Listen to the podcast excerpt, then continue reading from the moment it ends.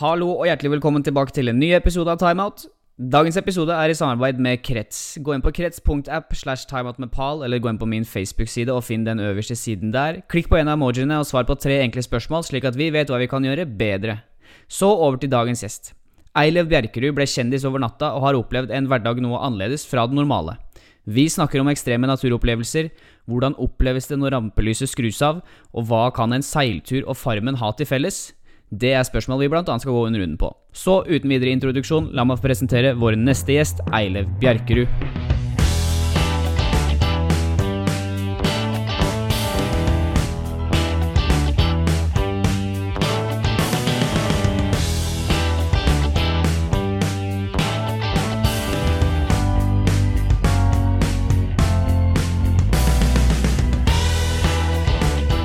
Eilev Bjerkerud, velkommen til studio. Takk for det. Det er kult at du stiller opp. Det er eh, lørdag morgen, og har du en kopp kaffe her, og du kan bare sitte og slappe helt av. Har du hatt en fin sommer, eller? Jeg har hatt en veldig fin sommer. Jeg har hatt noen eh, fine ferieuker, bl.a. en bobiltur på Vestlandet. Bobiltur? Ja. Hvor har du kjørt ifra? Da kjørte jeg fra Oslo til Geiranger, Ålesund, eh, Vestkapp, Stadlandet og tilbake. Shit. Men i Geiranger var det mye folk, eller? Nei, ingen. Så jeg tror det var et bra år å, å ferie Når, på. da. men når er det du dro? Jeg dro rett før ferien. Juni. Ja, ikke sant? Ja, da var det ingen der. Nei. Deilig, da. Hadde dere fint vær og sånt, eller? Ja, fint vær. Så det var helt, helt prima. Fin måte å feriere på. Hvordan var Ålesund? For jeg og fru, frøken vi dro også på bobil. Vi dro med tomannstelt da, og en eh, personbil, på en måte. Men ja, eh, samme. samme, samme opplevelsen. Vi dro til Tjøme og Kragerø, Stavern osv. Ja. Men vi hadde tenkt å kjøre nordover. Vi skulle egentlig opp og besøke en kamerat som heter Bendik. Ja. Men, han, eh, men det var så dårlig vær der oppe, så vi måte, da drar vi sørover. Og det er jo ikke noe tvil om at det er mye mer stabilt vær her nede enn det er der oppe. Ja. Langs kysten, så det ble på en måte langs innlandet.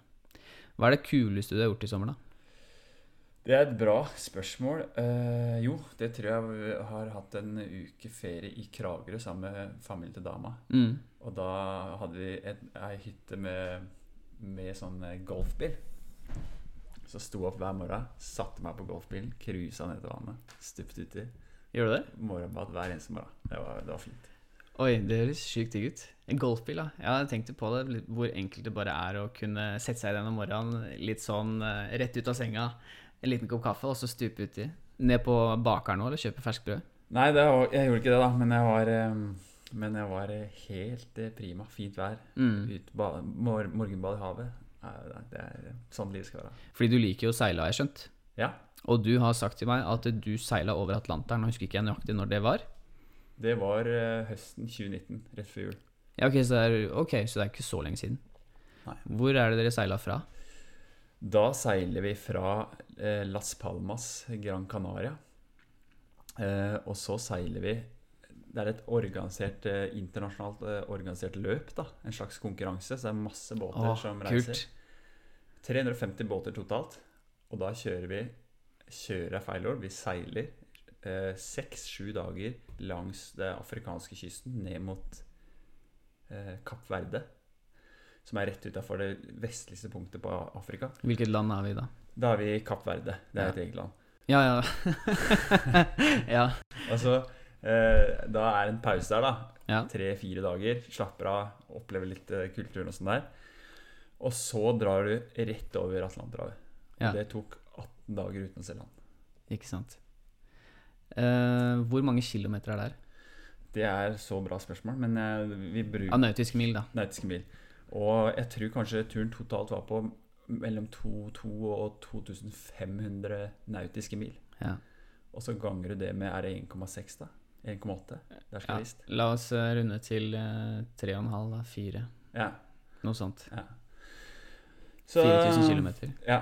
Så det var eh, en litt av en opplevelse. Litt både skummelt og fint. Ja, du skal ikke bli, du skal ikke bli sjøsjuk der, altså. Nei, det skal du ikke. Og, og, men nå, nå fins det etter hvert ganske gode eh, både sjøsjuketabletter og plaster som du kan sette på halsen.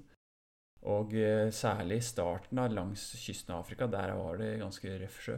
Mm. Så vi begynte egentlig rett på med bølger fra si seks til åtte meter. Og jeg er lite sjøvant, da.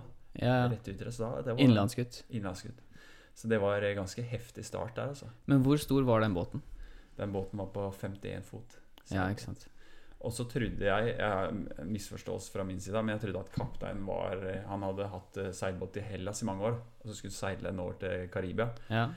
Jeg trodde han var veldig erfaren, og han var jo sikkert det, men han hadde ikke tatt turen over Atlanterhavet. Som da er, det er en ganske røff greie. Helt annen liga, ikke sant? Og plutselig så kommer det en svær bølge, og eh, jeg vil bare se den komme mot, og så bare slår den innover båten bakfra. Ja. Og går ned inn og blir masse vann inne under dekk der. Ja. Og så ser jeg på øya til kapteinen at den er redd. Nei. Og da blir jeg så jævlig redd. Så jeg går Så jeg går, så jeg går med Og da forsvant de gutta ned for å få vannet ut. Mens jeg, som var den minst erfarne, sto og holdt roret. Og, og bølgene bare rulla inn. Jeg var klissvåt. Men settingen her, er det, er det pissregn, eller er det sol? Er det bare at det blåser fryktelig, eller hva, hva er settingen her?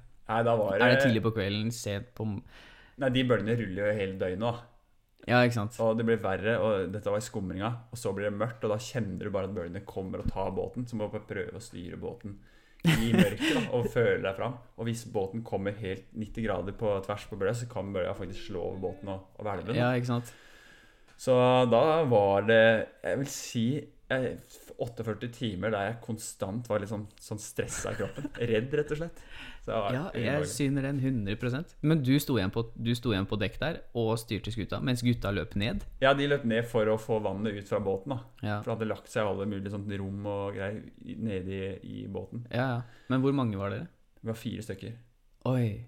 Ja, da Og så har du kapteinen som er redd, lederen, han som skal Ja, styre var akkurat da det skjedde, så var det og den, det, Jeg tenkte at ja, det, det, dette har han gjort 100 ganger før. Men så så jeg bare frykten i øyet. Og tenkte at åh, det her er heftig. Naturopplevelse, da. Ja, det er naturopplevelse.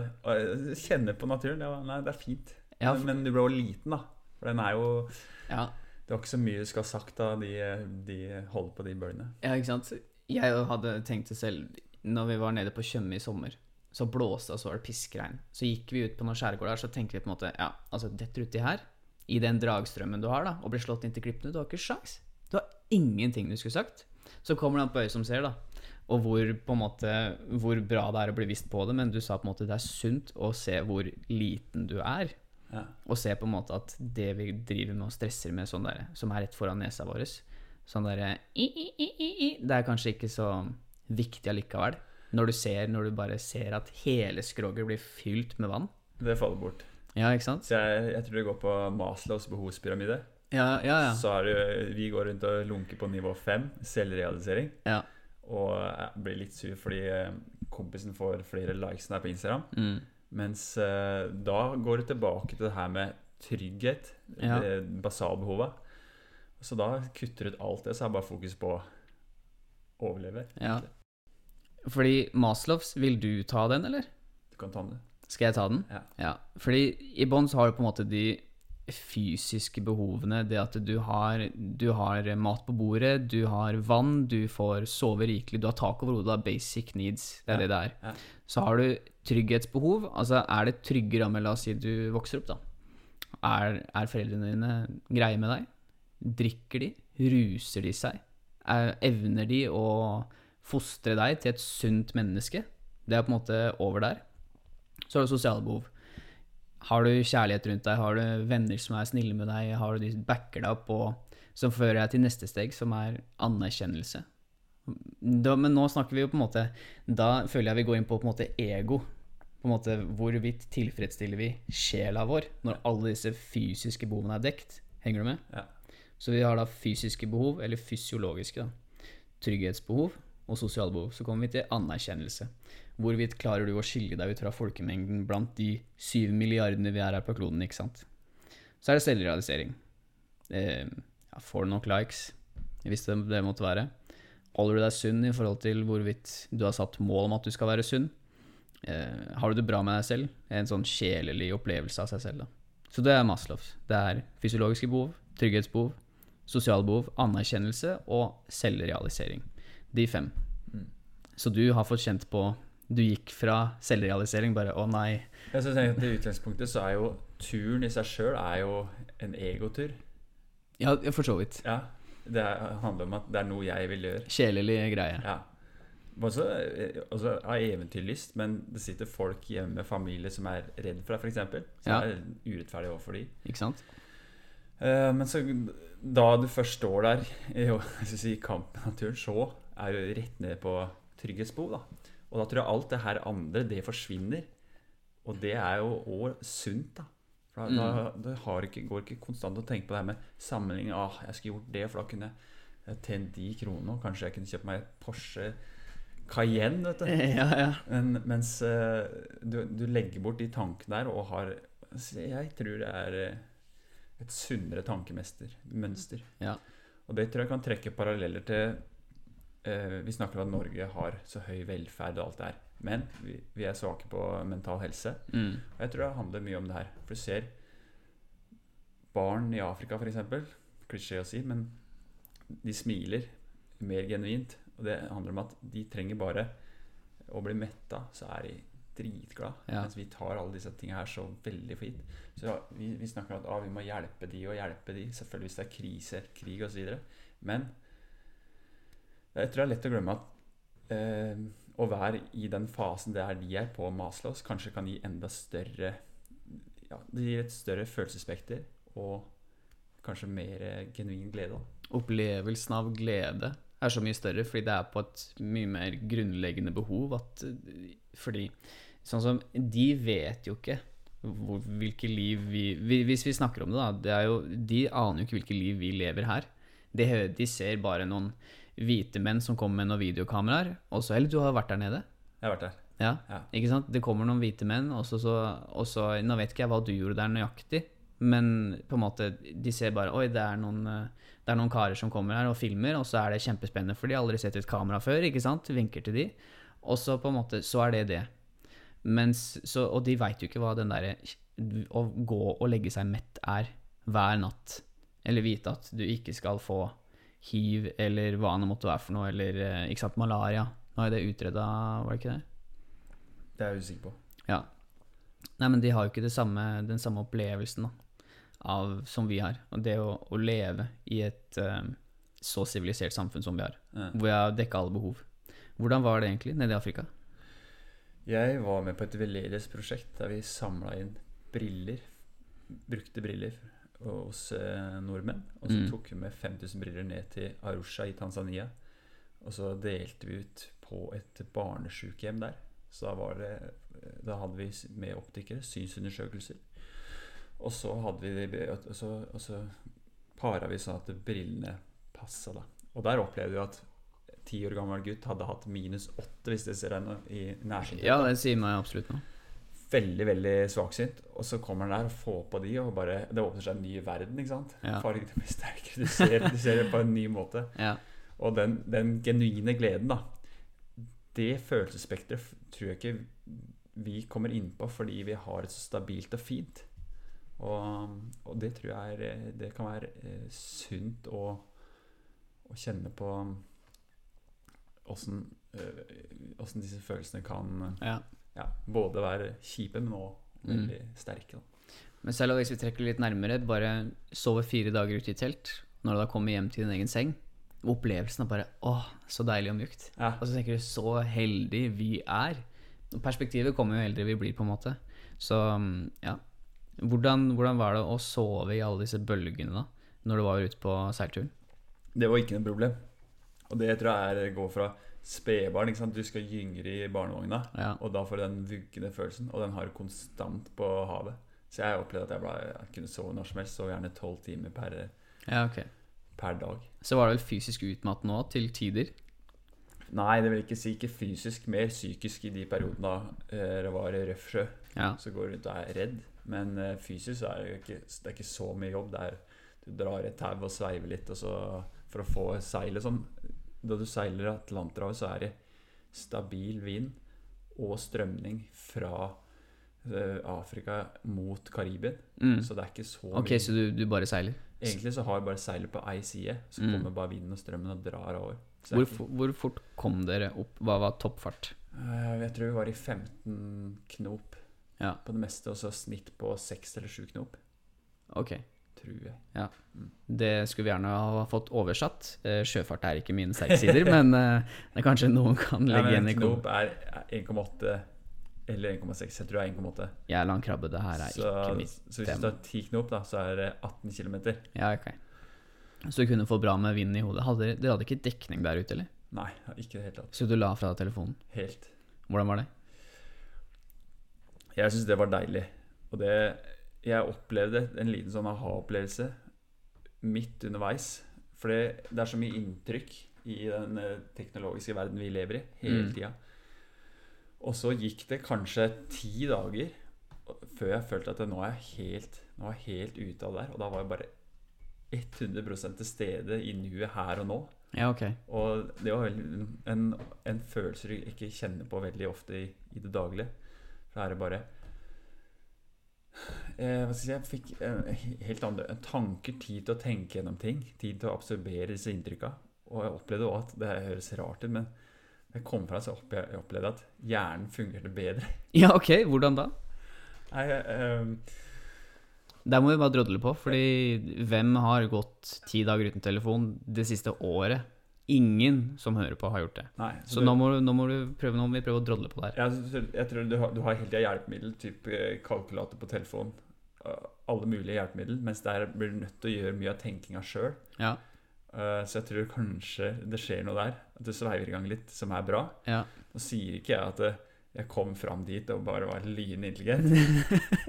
Helbreda fra alt Nei, stress. nei, for at Du kan ikke gjøre Gula Cross. Nei, men, i hvert fall Jeg tror utelukkende at, det- at det er sunt å kjenne på at du, du bare frigjør alt fra eh, all teknologien da, som preger deg i hverdagen. Mm. Og jeg, opplevde- jeg syns det var en, en fin opplevelse. Ja, det skjønner jeg. Også samtaler. eh, Du finner en ro ute på havet, Mm. nære til naturen i så lang tid. Så kommer du fram, så møter du folk du har snakka med før du reiste over. Og alle er veldig sånn i, i balanse. Og du er selvfølgelig veldig glad over overtenning når du kommer fram. Det er fest, og det er moro, men jeg tror du, du får tak i noe indre følelsesliv som, som du ikke får tak i i det vanlige, for du har sånn tid til å reflektere og absorbere inntrykk. Ja, og så tar du deg kanskje tid til å ta den praten, da. På et helt annet plan. Mm. Hvor du på en måte Du har jo ikke noe du skal rekke. Så Nei. du kan prate tre-fire timer med en annen person. Ja. Jeg opplevde at eh, jeg hadde veldig mange gode samtaler med folk jeg ikke kjente, som Mm. òg har hatt tid til å lande og reflektere og bare har all verdens med tid. da. Ja. Ref tidsklemma, kanskje. Ref tidsklemma, ja. ja. Det er jo det der stresset vi driver og jager, da, oppe på nivå 4 og 5 i Maslows der. Mm. Blir distrahert. Så du gjorde jo Du var jo tydeligvis på seiltur en god stund før Farmen. Fordi det er jo der Når nå folk ser et ansikt av deg, så tenker de jo mest sannsynlig Farmen eller Skal vi danse? Jeg vet ikke. Det er jo ikke de vet, Hvor mange vet at du har vært på seiltur, på en måte? Nei, det, det gir nesten ingen. Ja. Uh, men uh, jeg var med på Farmen i 2015. Er det så lenge siden? Ja. Og uh, jeg kan, kan snakke, da vi er inne på det temaet, så kan jeg trekke noen paralleller der. da. Gjør det. Der kommer du inn, og så det er, det er kampen for tilværelse, som de kaller det. Ja. Men det oppleves virkelig sånn. Ja, for det er ikke noe De kutter dere ikke, gir dere ikke liksom bruschetta på morgenen der før de begynner å rulle kamera? Ikke i det hele tatt. Og bevisst, helt i starten, så gir jeg veldig lite mat.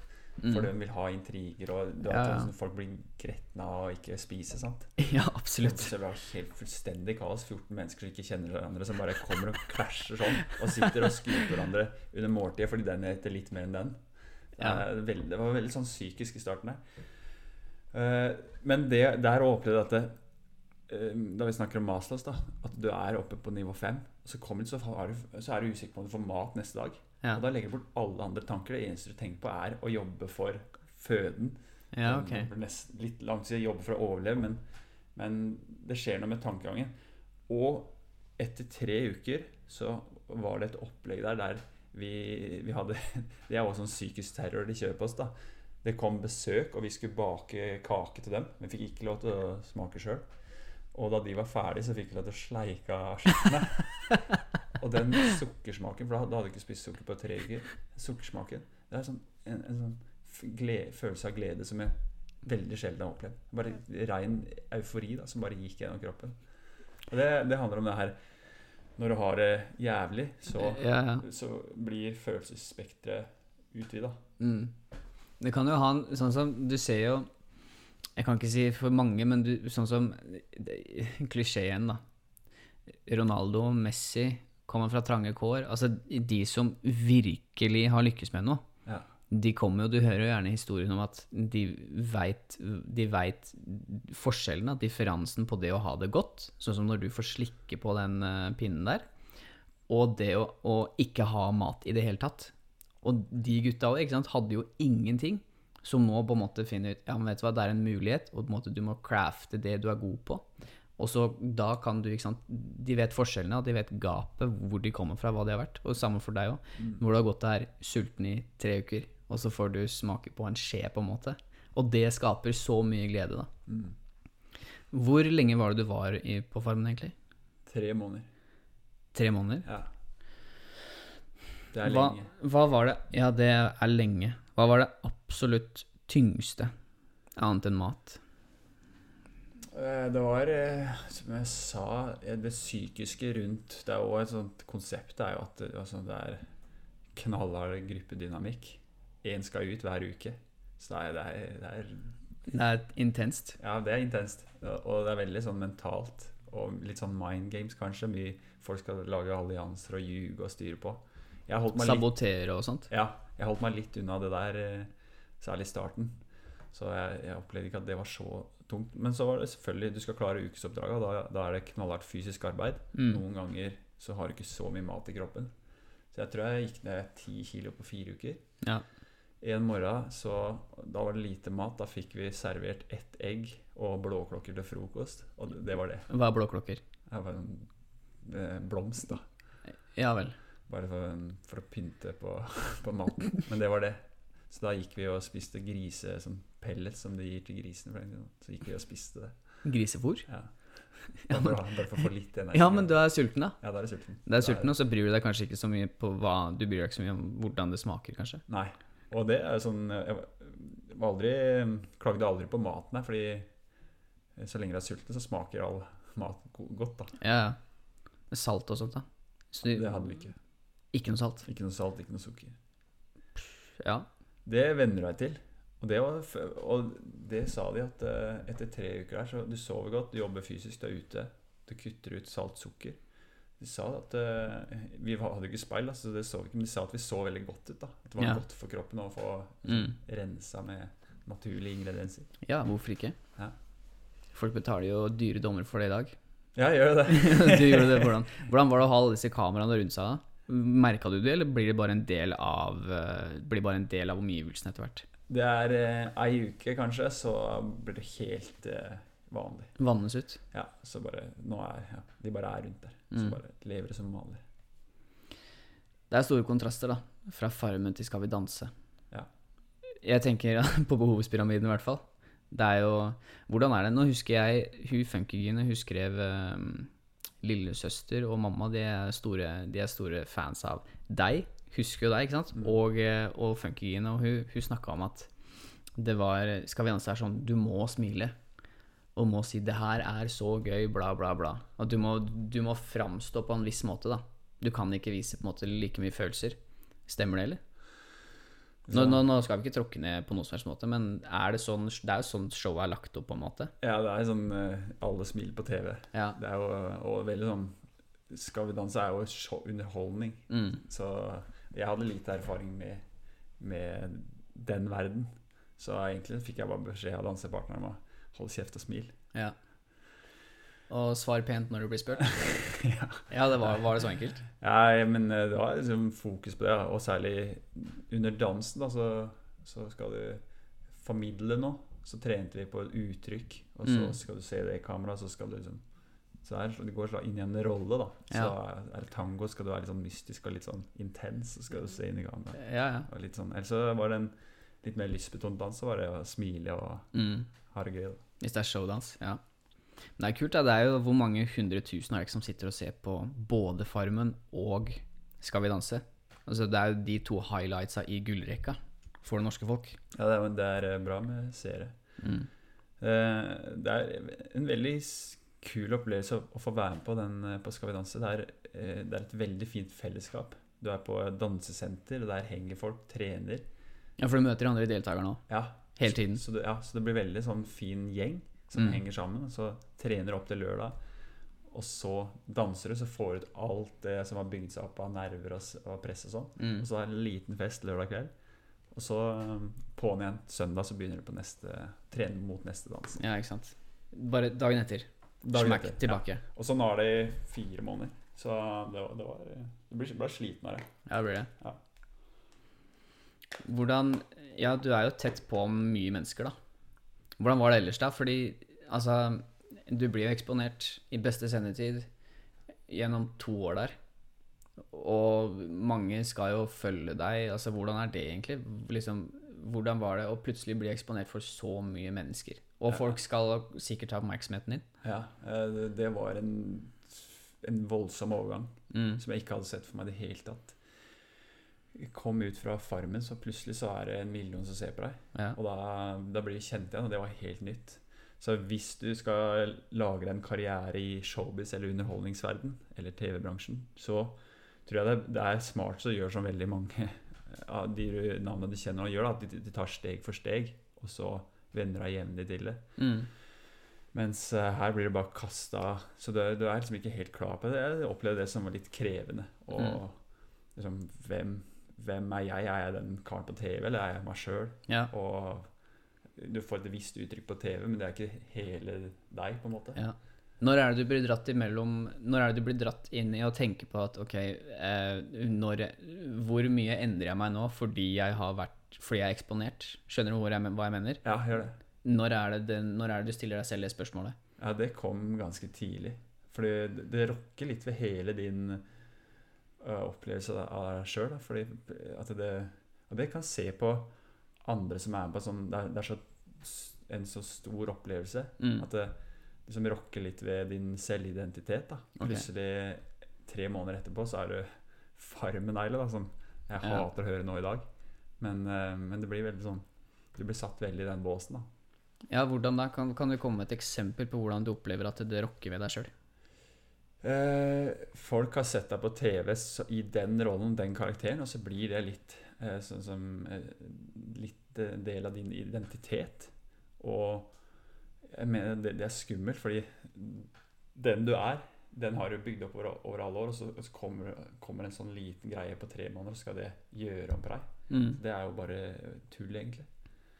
Men hvordan er det folk tilnærma deg og sånt? Var det på en måte Fordi du ble jo Jeg husker den, det, var den, det var kanskje siste sesongen jeg så på. Ja. Jeg så jo på det med mutter'n og familia, ikke sant? og så flytta jeg jo fra meg sjøl. Ja. Og det var den siste sesongen jeg så på.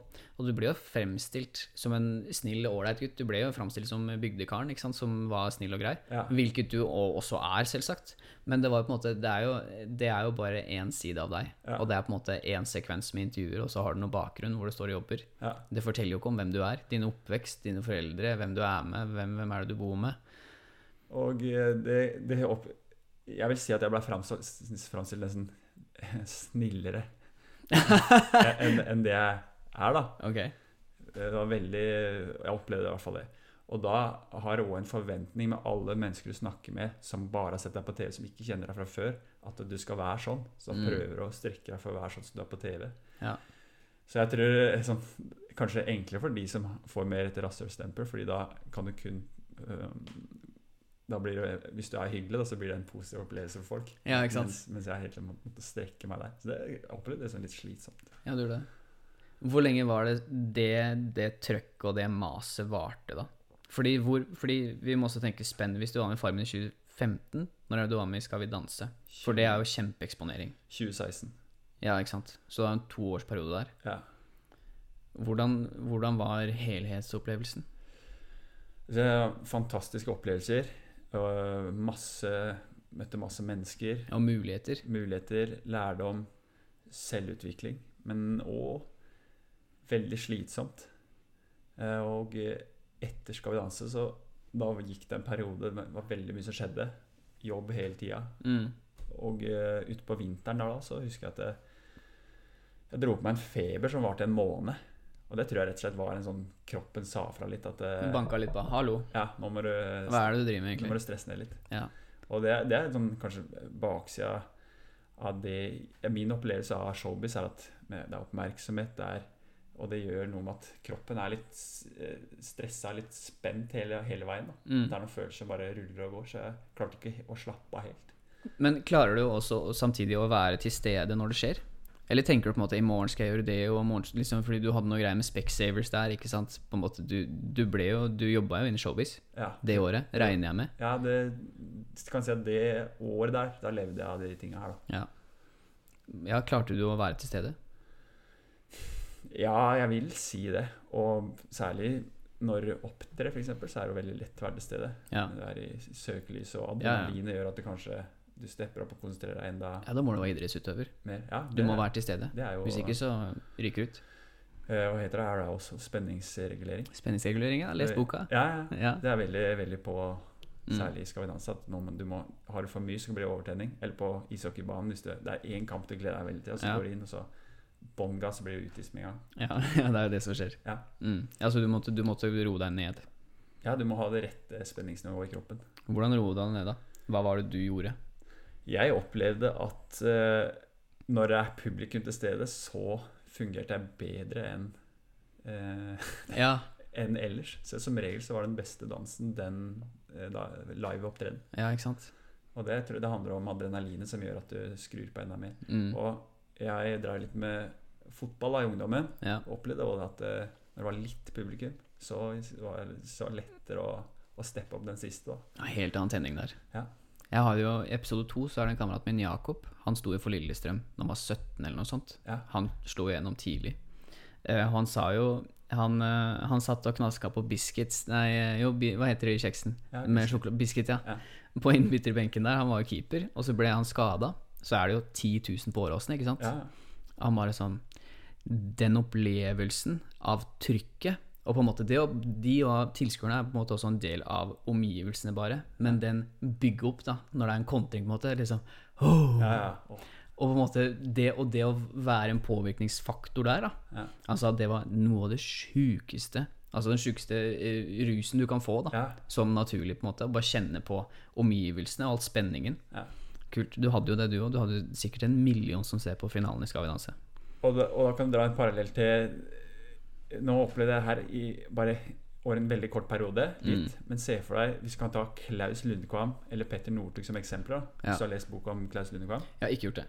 Men han sleit jo etter karriera. Han Mm. spilte tolv år for Southampton. Og uh, for, Ja, ja, ja. selvsagt, Selvsagt. foran 35 000-50 000 mennesker. Mm. Og kjente på den her hver lørdag, og så forsvinner den. Det er et enormt tomrom. Ja. Han fylte med kokain. Vi veit hva som skjedde med Petter Northug, da. Som har uh, vært Norges største navn i ti år. Mm. Han Han evolusjonerte skisporten. Ja, Det var jo sånn kjedelig friidrett, ikke sant? Så tok Northug en liten titt på hva Bolt drev med i friidretten. Vi kan gjøre akkurat det samme her. Og han, han, jo, han har jo ikke revolusjonert sporten, men han har evolusjonert den og gjort den bedre. Det har blitt bedre showbiz, rett og slett. Ja, ja. Og eh, det er veldig lett å, å forstå at, at det ble et tomrom for han når han var ferdig med det her. Og eh, snakka med folk som har jobba i TV-bransjen, sier at det, det, den oppmerksomheten det er som heroin, av den sterkeste rusen Mm. som du er inne på. Ja, Så er det over, da må du må fylle det med et eller annet. Og alle klarer ikke den overgangen. da. Ja, så det handler om, det handler jo om å fylle et gap til, syv, til syvende og sist. Altså om du, om du kjøper for mye klær, eller om du kjører raske biler, eller om du, om du ruser deg, eller om du har em, eller om du har spiseforstyrrelser for det ikke sant? Det handler om bare å skape kontroll i hverdagen og dekke et behov, altså et gap som er der, mot dine forventninger. Da. Og hvis du har opptredd foran 20 000 tilskuere i 12 år hver lørdag, Ja. og så er det guttastemning konstant til du er 35, og plutselig så bare bam! Mm. Lyset er ute. Hvem er du? Ja, Og hvem har du ved deg? ikke sant. Jeg kan skjønne at det er vanskelig. Og der syns jeg synd på Petter Northug for eh, det er så Sånn som han blir slakta i mediene nå, da, Mm. så er det eh, Det er så mange som har hatt så mye glede. Jeg har sittet og heia på han. Det er så mange som har gjort det. Og så eh, liksom, vi, har, vi, har, vi har bygd opp han hele veien, og så Mm. skjer det her, som er veldig lett å forstå. Da skal han slaktes dårlig, forbilde dårlig. Men det er fader ikke Det er så svær som han er, så det kan ikke være lett eh, den overgangen. Nei, jeg er jo helt enig i det du sier. Forsvarer ikke at den kjører bil 200 km i timen. Det gjør man ikke. Eh, og, eh, men jeg tror også, sånn som når du sier at du som har vært i det, som har sikkert har sett mye rart innen showbiz, ikke sant? Du har sett folk eh, på ups and downs, ikke sant? Høyt i karrieren, og at de krasjer. Og det at Ja, man skal på en måte fylle det gapet, da. Det er jo det det handler om, basically. Ja. Eh, og så, så er han uheldig. da Hadde det vært en vanlig mann i gata som hadde kjørt 200 km i timen med 40 000 i bilen, Ja.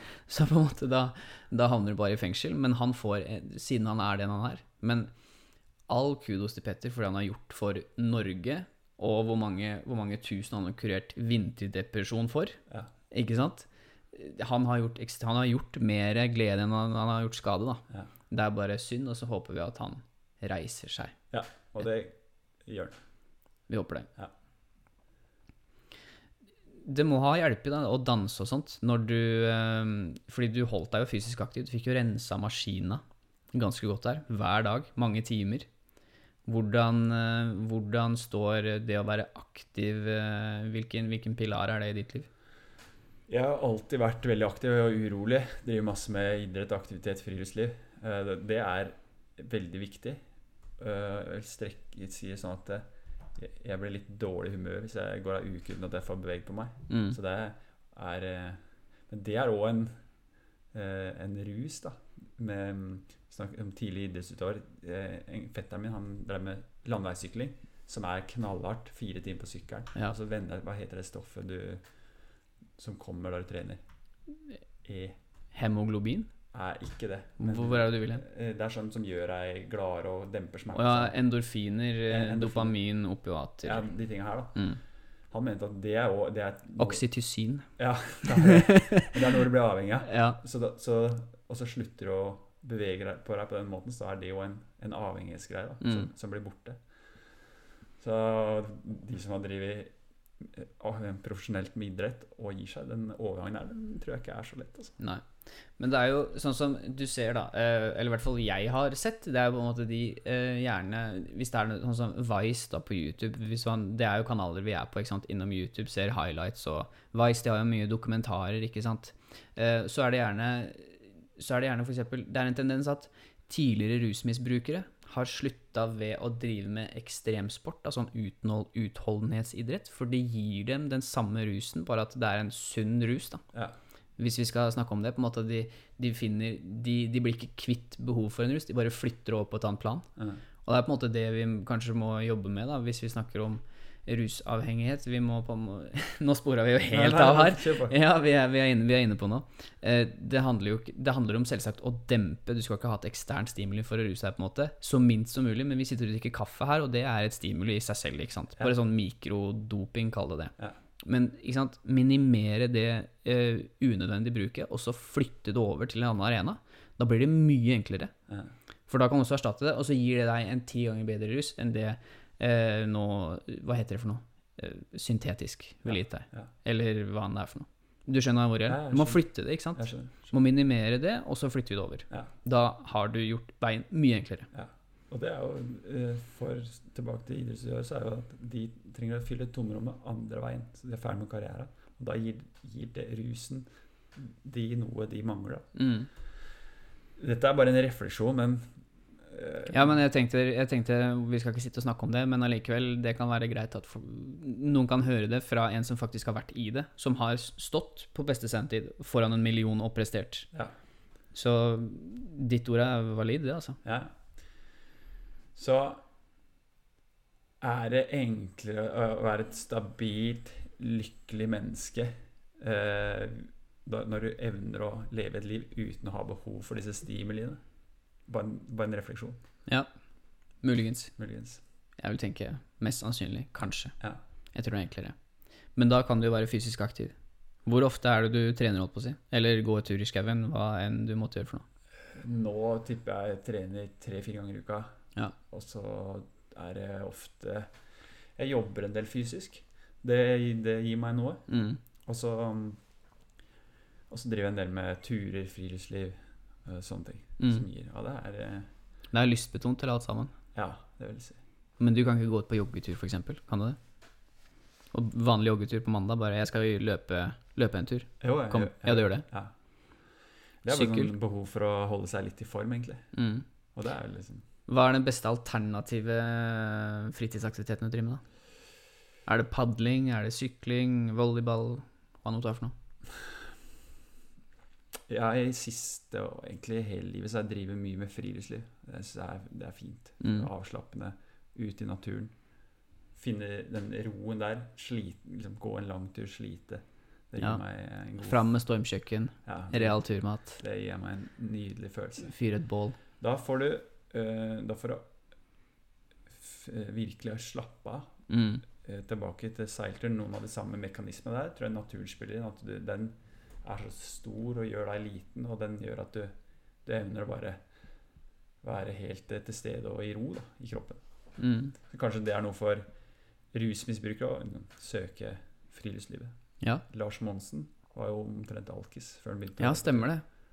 Så han fant, Og det er det ikke mange som veit. Han- han fant liksom sin greie der, da. Ja. Som kanskje redda han ut fra det livet. Jeg tror broren hans var eh, er narkis. Mulig. Ja. Det kan ikke jeg nok om. Han er eh, Men eh, ja, vi har alle sett Canada på tvers i oppveksten. Ja, ja, Det er ingen som ikke har gjort det. Og tenkt 'herre Jesus', stå på andre sida av en eh, svartbjørn liksom bare Hva gjør du? Så nær naturen. Hvor skal vi gå nå? Vi må komme over til at vi, at vi jobber med de barn noen ganger. Ja, det må vi. Så kan vi egentlig bare søle er det hjertesaker, og så har vi ja. Og eh, vi jobber begge Vent litt, ta den en gang til. Ja. Jeg må bare ha pause, så jeg kan klippe. Vi jobber begge i skolen, eh, og vi snakker om fysisk aktivitet. Og eh, det tror jeg er noe som bare blir viktigere og viktigere i skolen. I Sogn og Fjordane har jeg prøvd et prøveprosjekt der de har én time obligatorisk fysisk aktivitet hver eneste dag, og de har veldig gode resultater på det. At de, presterer, de er mer konsentrert, de presterer bedre i alle fag. Samfunnet utvikler seg, og folk sitter mer i ro, sitter foran PC-en. Så å få lagt inn her det fysiske, leiken, samarbeidet, det tror jeg er Det blir viktigere og viktigere eh, for unge i framtida. Ja, for lek, der er du god. Eh, jeg husker ikke hva han heter. Jeg tror han heter Bandura, eller han som har mestringstro. Er ikke så farlig. Eh, I hvert fall lek, fordi vi hadde, en, vi hadde jo noen timer sammen i fjor. Det var jo tydeligvis rett etter at du kom hjem fra den seilturen, da. Ja. Men det var jo Vi kom inn der, og så bare Ja, vi skal ha Det her er målet for timen, på en måte kompetansemålet. Vi skulle gjøre et eller annet. Ikke sant? Eleven skal kunne sånn og sånn. Det er jo sånn vi jobber, ikke sant. Eh, Men du bare sånn Ja, greit. Flott, da gjør vi det. Og så setter du opp tre volleyballnett, masse baller, så sier du Vær greie med hverandre, gi hverandre tilbakemeldinger, spill ordentlig, og så var det bare flyt en time. Så lek, det er jo noe du tydeligvis er god på, da. Ja, det, altså, vi har jo ulike filosofier som kroppssynslærer, Mm. og det er mange kompetansemål om at du- du skal forklare og du skal lære elevene underveis. Jeg tror på at kroppsøvingstimen er en nydelig arena for å få ut så mye energi som mulig. Så bare holde aktiviteten i gang. Der har de den timen til å glemme litt og bare leike og, og kjøre på. Mm. Så skal du selvfølgelig legge til rette for alle, sånn at alle opplever mestring. Men, men den arenaen må ikke bli borte i alt det faglige som òg Mm. eh, legges eh, ja, at det er krav til. Da. Jeg er helt enig. Og så er det det Én ting er kroppsøving, men jeg tenker eh, Nå vet ikke jeg hva det heter. Kunst og håndverk. Ja. Eller design og håndverk. Det å ha de Fordi nå Det har aldri gått så fort som det gjør nå. Hvis du forstår hva jeg mener? At det, tiden har akselerert. Se for deg hvor mye som skjer i dag kontra 200 år siden. Bare telefonen i seg selv, altså hvor fort den går. da hvor mye, Hvordan du blir bombardert med informasjon. Og det å og på en måte, da må vi ha et Det å, det å liksom legge vekt på de humane fagene, kunst, fysisk aktivitet, etikk De tingene her de blir viktigere i årene framover, så vi klarer å skille oss selv fra den eh, kopien av et menneske, da, disse robotene som kommer om et par år. ikke sant? Jeg vet, så det blir viktigere og viktigere å bare vite hva mennesket er. Hva er det vi er kapable til? Så vi ikke glemmer det. Fordi vi ser jo bare ja, 15-åringer i dag da, som er 10-15 år yngre enn oss, hvor mye de er på telefonen og har sitt sin kommunikasjon kontra oss, da. For det er faktisk en forskjell. Ja. Uh, der har skolen en jobb, og må, det måles ut fra at eh, nasjonale prøver i matematikk og skolen skal være så og så god. Men du har ennå ikke, ikke noe måleinstrument på ungdommers velvære. Nei. Den eh, blir viktigere og viktigere i skolen. Det, er, det, det skjer ting. Men jeg tror jeg blir hovedutfordringa framover. Og hvis vi klarer å, og hvis vi klarer å undervise og formidle budskapet på en riktig måte til de, så vil det også kunne hjelpe de på andre arenaer. De vil bli flinkere i matte, de vil bli bedre kreative. ikke sant? Det handler om å holde topplokket klart. Minst mulig CO2 der oppe. Mm. Og ha en datarens. Jevnlig datarens. Ja. Tror at eh, fordi det er så krav til ting, da, at du skal prestere sånn, så blir det lagt opp på en viss måte. Eh, før så var det mer penger i skolen, at du kunne dra på ekskursjoner, turer. Eh, min opplevelse ja, blant annet eh, i førstegangstjenesten opp- opplevde jeg en veldig fin utvik utvikling, særlig mellommenneskelig, fordi alt du driver med handler om samarbeid. Du er ute, du sliter sammen med folk, du samarbeider, setter opp telt. Alle disse tingene, og- de egenskapene er eh, Du får ikke jobba nok med i skolen, fordi alle skal jobbe med matteprøva og, og score del i det resultatet. Mm. Det er egenskaper som som jeg tror må tas tak i. Nå kommer det jo det her Jeg hadde episode 8 med Paul Thomas der. Nå er det jo en fagfornyelse som kommer.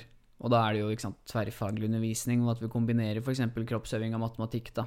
Og det blir jo bare enda viktigere, faktisk. Ja. At vi ikke overser det. Mm. Og at vi faktisk gjør noe med det. Det er på en måte basics. Ja. For én ting er at vi kan stå og si så mye vi vil, men vi må faktisk gjøre noe med det. Vi må faktisk endre måten vi gjør det på. Hvis ikke så vil det ikke skje noe forskjell. Det vil ikke være noe forskjell. Nei. Ti år fram i tid. Er det noe som ikke har blitt, eh, som ikke har blitt nevnt? Har du noen hjertesaker? Er det noe som eh, Nå er du jo på lufta, kan du like godt bare si det. Nei, men disse um, Det er, det er givende å jobbe med ungdom. Ja. Da er vi inne på den, den saken. Og det er ikke bare lett å være ungdom eh, i dag. Det er så lett å si for oss. Vi er ikke så mye eldre, men, men det, det har skjedd mye bare på 15 år siden vi gikk på ungdomsskolen. Ja. Så å gi dem et, et rom der de òg kan koble av litt, det har, har jeg tro på. Derfor er jeg f.eks. For forkjemper for i, I Frankrike så har de klart å forby mobilbruk på, i grunnskolen. Og det syns jeg er en, en positiv greie. Fordi vi snakker om eh, kompetanse i, i teknologi og sånne ting. Men unge er så mye på telefon, og det brukes PC i undervisninga, at du kunne kutta ut den. Kanskje brukt, I stedet for at alle sitter og gamer hver sin telefon i friminutta, kunne øh, de gjort mer øh, aktiviteter der de samhandla, der de snakka sammen. Så Mm. de her mell- mellommenneskelige viktige tinga. Ja. Og de må, det, det skjer. Bare gi beskjed om at legg bort telefon, så, så vil ungdom like å leke sammen. Men det, Ja. det må legges til rette av systemet. Systemet må legge til rette for at de kan lykkes, Ja. og at de kan ha det bedre. Minimere skade og stress, og optimalisere det de er gode på. Ja. Ja, det var jo litt av en prat her, var det ikke det? Jo. Jeg tror vi fikk gjort, vi fikk gjort mye skade på kort tid der. Ja, er det noe annet som ikke har blitt eh, nevnt? Nå tror jeg vi har vært gjennom eh, det meste du ville snakke om. Ja. Så jeg er veldig fornøyd med praten. Og Du? det håper jeg du er òg. Tusen takk for at du Jeg er kjempefornøyd. Tusen takk for at du tok deg tid.